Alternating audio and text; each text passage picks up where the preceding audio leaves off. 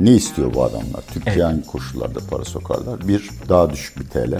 32-33 dolar kuru istiyor. İki, tahvil faizlerinin daha yükselmesi lazım. Üç, swap piyasasının açılması lazım. E şimdi sen 30'dan kredi almışsın. Bir dahaki sefere bankaya gitti sana 60 faiz çekiyor. Batacaksın.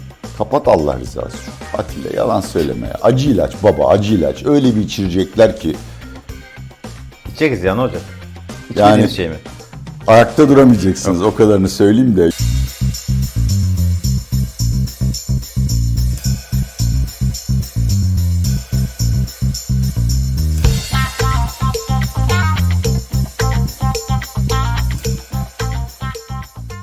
Atiye Bey merhaba nasılsınız?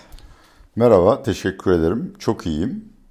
Ee, biraz sonra buradan çıkıp yine havuzumuza gideceğim. Birkaç hafta daha yağmur yağmazsa zaten burası herhalde Sudan'a falan dönecek. Gayet güzel bir kuru banyo yapacağız. Ekrem İmamoğlu da söylemiş İstanbul'da tarihteki en son yıllardaki en ciddi kuraklık yaşanıyormuş. Büyükçekmece Barajı'ndaki su seviyesi %4'e düşmüş. TİAP Kitap Fuarı'na gittik. Yol oradan geçiyor. Ben bulamadım.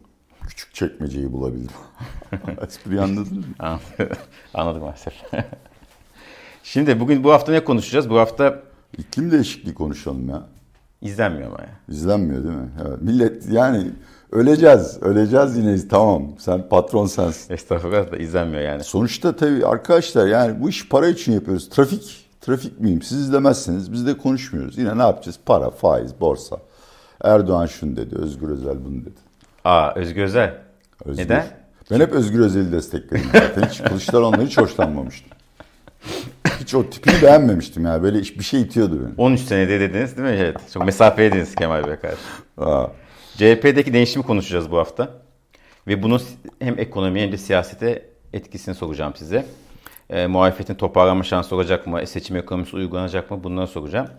E, onun dışında e, biliyorsunuz Türk tahvil piyasasına yönelik e, Türkiye para mı akacak? Siz bunu biraz söylemiştiniz esasında bunu bu senaryonun e, olabileceğini. Onu soracağım. O çıkan analizden e, yola çıkarak e, Türk TL piyasasında ne olabileceğini size soracağım.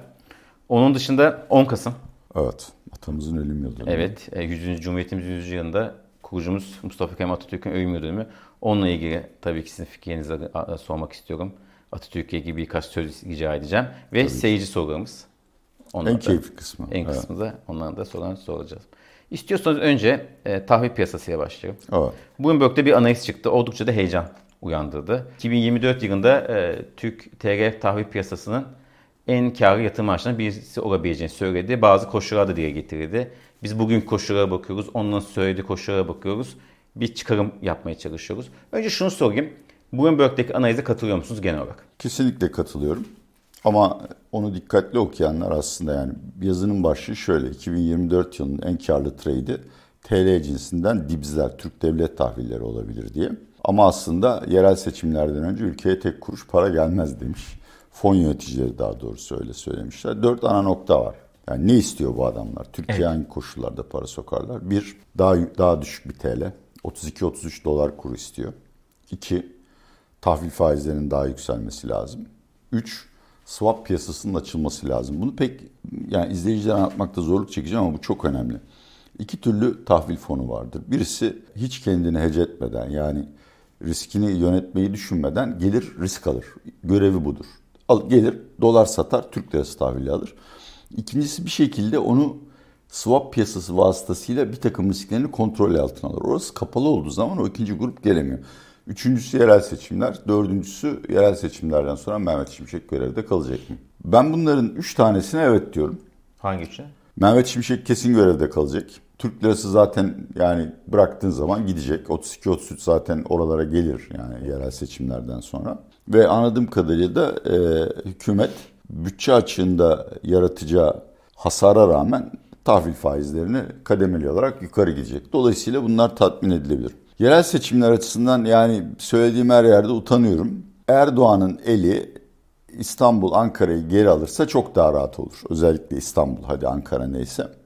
Tabii bu Türkiye demokrasisini bitirir. Ama yerel seçimleri kaybederse çok daha güçlü bir muhalefetle karşılaşıp bir sonraki seçime hazırlanacağı için Türkiye'de gerektiği kadar sertlikte bir istikrar programı ve hatta ne istikrar Atilla yalan söyleme ya. Acı ilaç baba acı ilaç öyle bir içirecekler ki İçeriz ya ne olacak?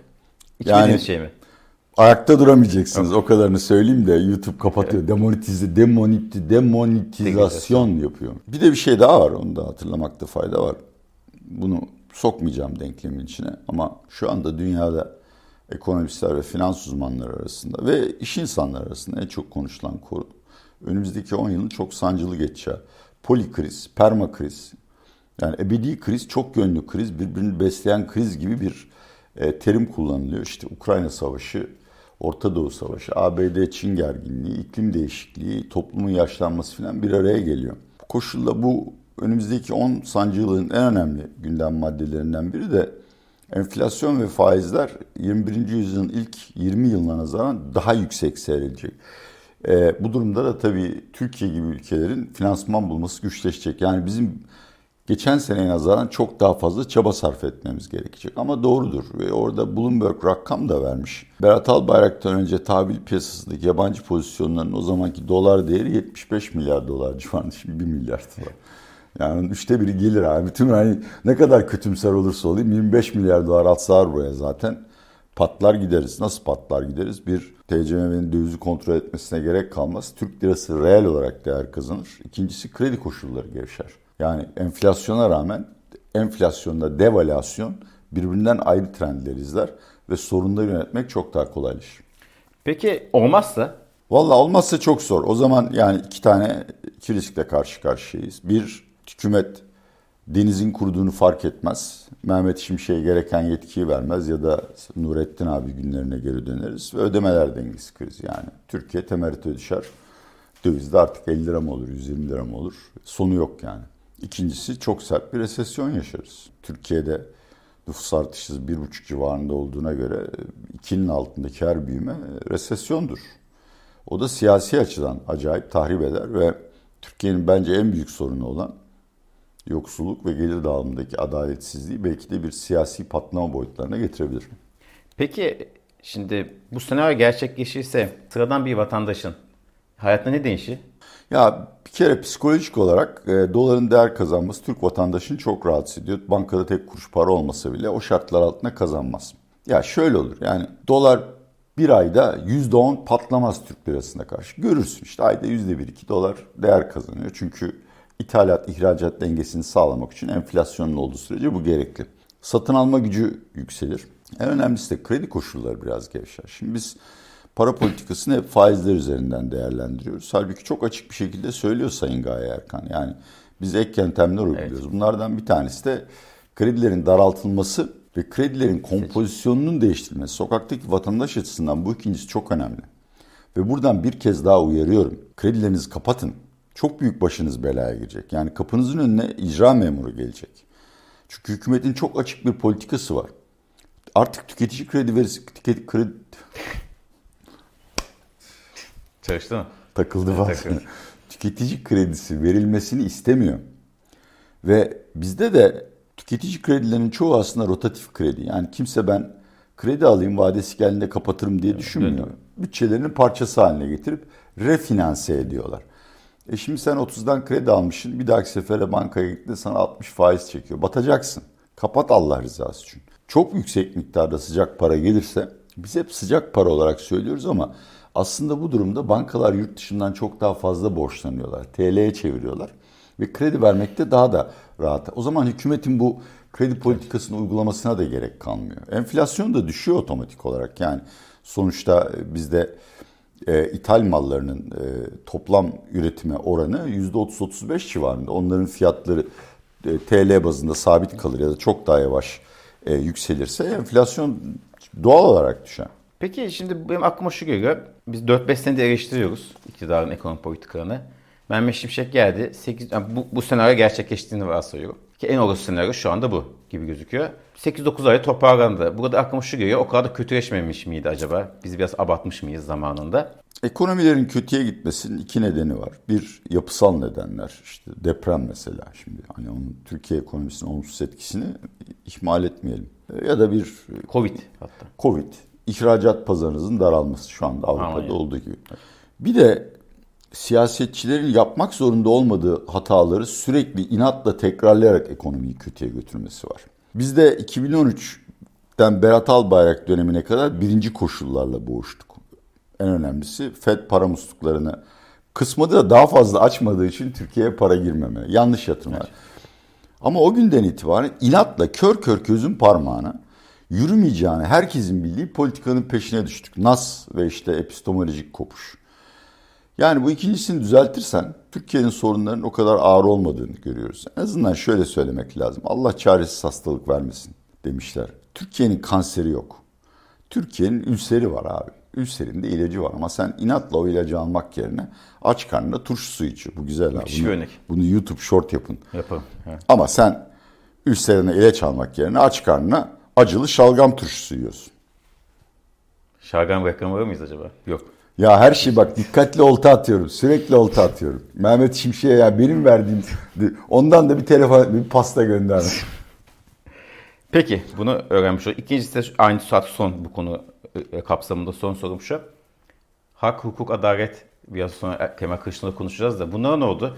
Yabancı yatırımcının demek hiç umurunda değil. Çünkü demokratik olarak demokrasi, hukuk, adalet bakımından Türkiye'de seçime kadar gelişme olma ihtimali çok düşük. Hatta kötüleşme olma ihtimali yüksek.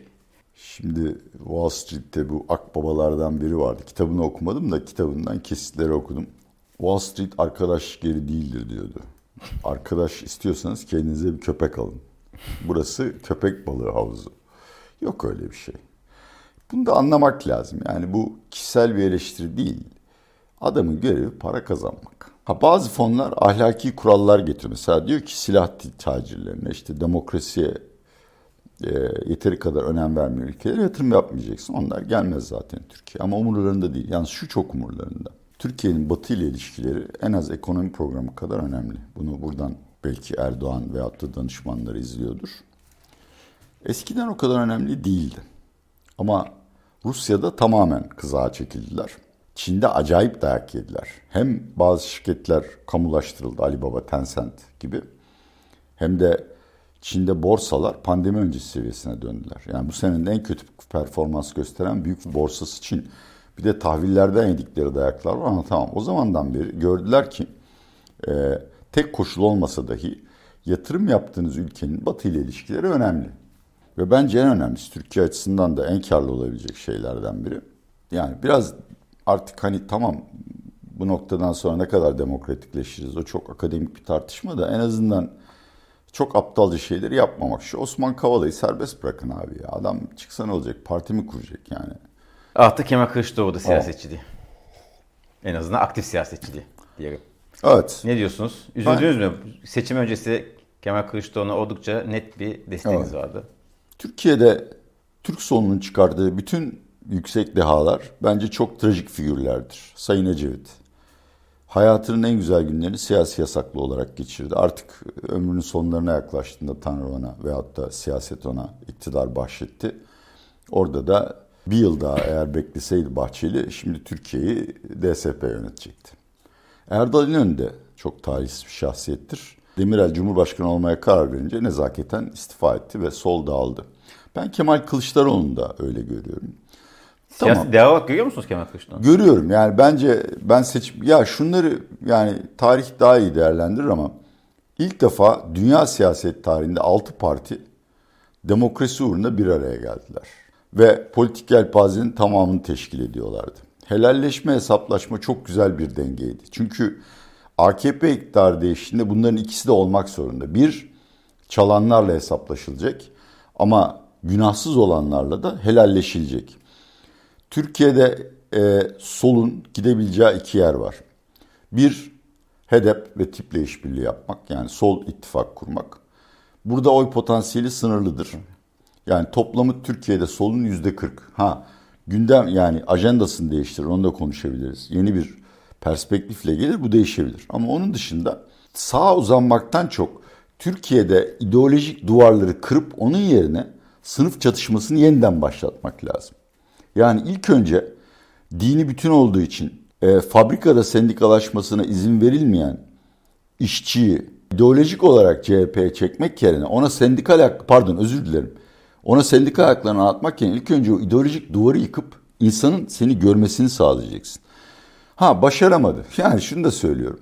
Maalesef hayat böyle. Tarihi muzafferler yazar. Tabii ki. Kazansaydı şimdi heykeli dikilecekti. Tarih kazanana yazıyor, kazanana tarih yazıyor ama kaybedince de artık bir nokta çekilmek gerekiyor. Bu Deniz Baykal'ı saymadınız. Rahmetli. Ben Deniz Baykal'ın şahsiyetine olan sonsuz saygımı bir kenara koyarak onun Türk solunu parçalayan isim olarak görürüm. Ee, siyasi bakışını hiçbir zaman takdir etmedim. Siz siyasi etkini konuşuruz az vakit var ama Erdoğan'ın ekonomi üzerindeki politikalarını etkileme ihtimali görüyor musunuz? Yani CHP muhalefet toparlanıyor. Evet. İstanbul yeniden kazanabilir.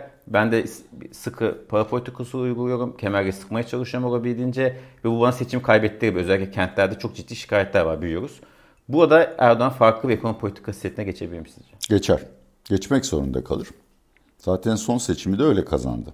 Hala niye anketlerin bu kadar yanıldığını tam bilmiyoruz ama benim şahsi görüşüm biz Erdoğan'ın ne kadar para saçtığını değerlendiremedik. Görülmedi anketlerde. Şu anda da bence muhalefetin dağılık yapısına, dağınık yapısına bakarak bunlar kazanamaz diye rahatlıkla e, frene basıyor. Ha bence faizlerde indirim falan kimse beklemesin. Bir kamu bankaları vasıtasıyla e, krediye erişimi kolaylaştırır. İki enflasyon 10-15 puan üstünde herkese zam yapar. O da programı öldürmez ama o zaman 2024 ile 2005'in ilk yarısı da çile yılı olur. Şunu izleyen herkesin anlamasını istiyorum. Sizin harcanabilir geliriniz veyahut da gelir düzeyiniz, refah düzeyinizi yükseltmenin yolu siyasetçilere baskı yaparak enflasyondan daha yüksek zam almak değil, enflasyonun düşülmesini talep etmektir. Çünkü bu meşhur Hint mitolojisinde olduğu gibi kuyruğunu ısıran yılana döner kardeşim. İlk iki ay kazanırsın zamdan sonra. Üçüncü ay enflasyon gelir hepsini götürür. Bu arada bu yayına girmeden ekranın başına yapışmıştım. E, squat çıktı Türkiye. Türkiye 5 yıllık squat çıktı. Normalde 2-2,5 milyar satar hazine. Bu arada Türk hazinesi dünyada tahvil piyasalarının en iyi kullanan hazinelerden biridir. Onların reklam bitti. Yun yerleştirme de bu kadar olmaz. Onu değiştireyim yenisini yapalım. 2-2,5 ee, milyar çıkar. Ama eğer Birleşik Arap Emirlikleri bize 8,5 milyar vaat etmişti. Onun ilk tranşı da geliyorsa 4-5 milyar dolar bir satış. Onu görürsem kış aylarında çok daha rahat olurum. Yani Ekim dış ticaret açığı rakamları hiç iyi değil. Ekonomi soğumuyor. Evet soğumuyor. Soğumuyor. Soğumaz tabii yani. Bu Neden? kadar basarsan parayı zamanda. Parayı basarsan bir ikincisi vatandaş yerel seçimlerden önce ne olacağını çok iyi biliyor. yani millet şimdiden 60-70 sene başı zammını konuşmaya başladı. Bakalım şimdi seyircimizin soruna geçelim. Enflasyon söylendiği gibi 2 senede tek hane iner mi? 9 ayda da indiririm ama sonuçlarına katlanmak istemezsiniz. İner, iner ama para politikasının çok daha sıkılaştırılması, bütçe politikasıyla desteklenmesi lazım. Neydi peki rakam vereyim. Oğlum biliyorum tatmin edici olur. Çok genel geçer çok genel, laflar. Abicim bak bizim gelecek seneki enflasyon sene sonu beklentimiz 50. Demek ki ortalama 55 civarında bir enflasyon olacak. O politika faizi 60'a çıkacak. Politika faizi 60'a çıkmazsa senin mevduat faizin 60'a çıkacak. Kredi faizinde 80, 80, yüzde 80. 8 yanında bir de 0. Arada nokta virgül falan yok kardeşim.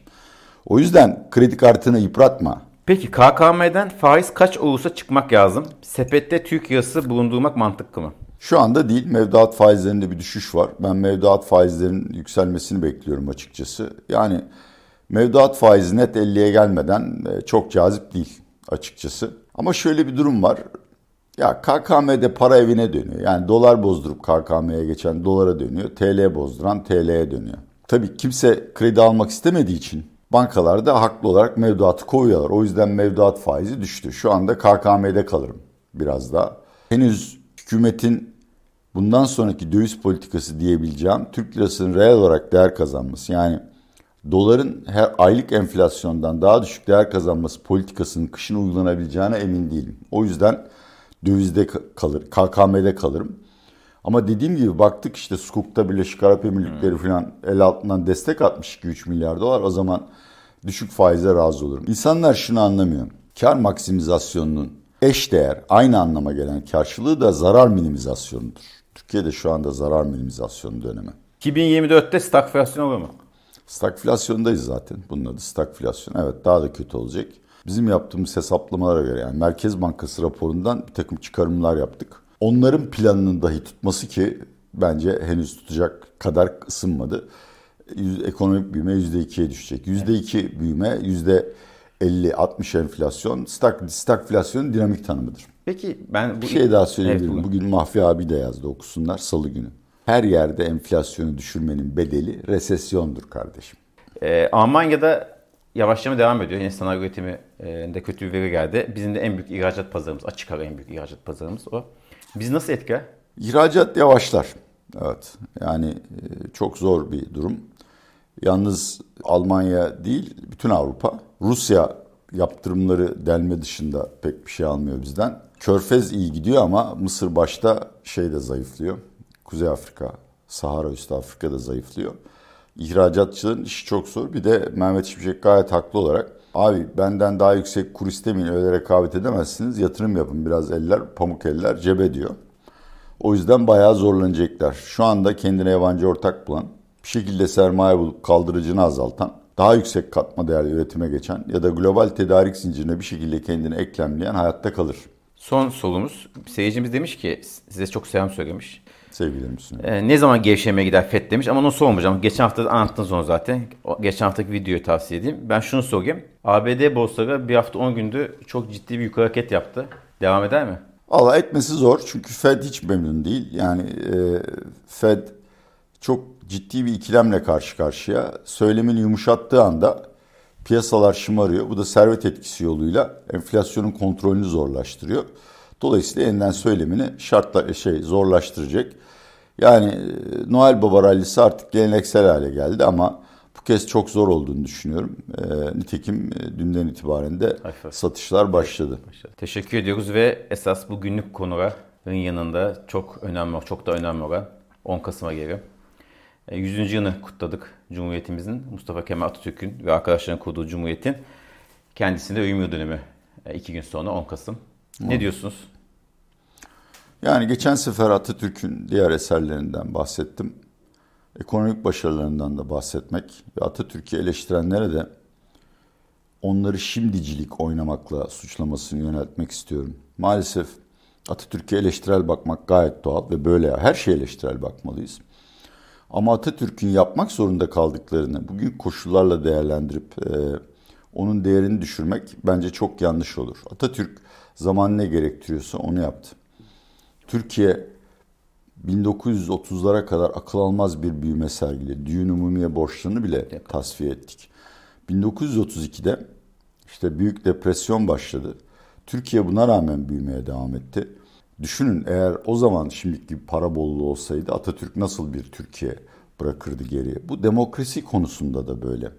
Efendim serbest fıkrayı kapatmış. Türkiye işte çok partili demokrasinin gelmesini geciktirmiş.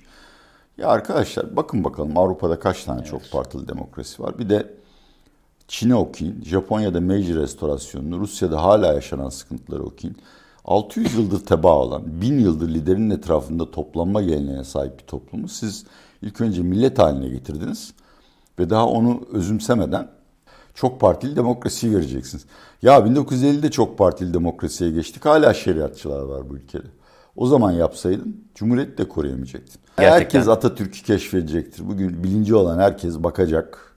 Şeriata bakacak, komünizme bakacak. İşte Erdoğan'ın bize ideoloji adına sunduğuna bakacak. Ve bir noktada altta parlayan Atatürk ideolojisini görecek. Belki uzattım istediğiniz yerini kesebilirsiniz ama benim Atatürkçülüğü yorumlamam da devrimciliktir. Ve sürekli olarak diğer medeniyetlerin önüne geçme çabasıdır. Diğer yönleri beni pek ilgilendirmiyor sürekli kendimi değiştirmeye çalışırım. Hem ilmi alanlarda hem şahsi alanlarda ve bunda hep Atatürk örnek almışımdır. Ne diyelim? Tekrar minnette saygıya, özlemle, sevgiye, her türlü duyguya e, andığımızı ve çok daha özlediğimizi söyleyelim Mustafa Kemal Atatürk'ü. Teşekkür ederim. Haftaya görüşmek üzere.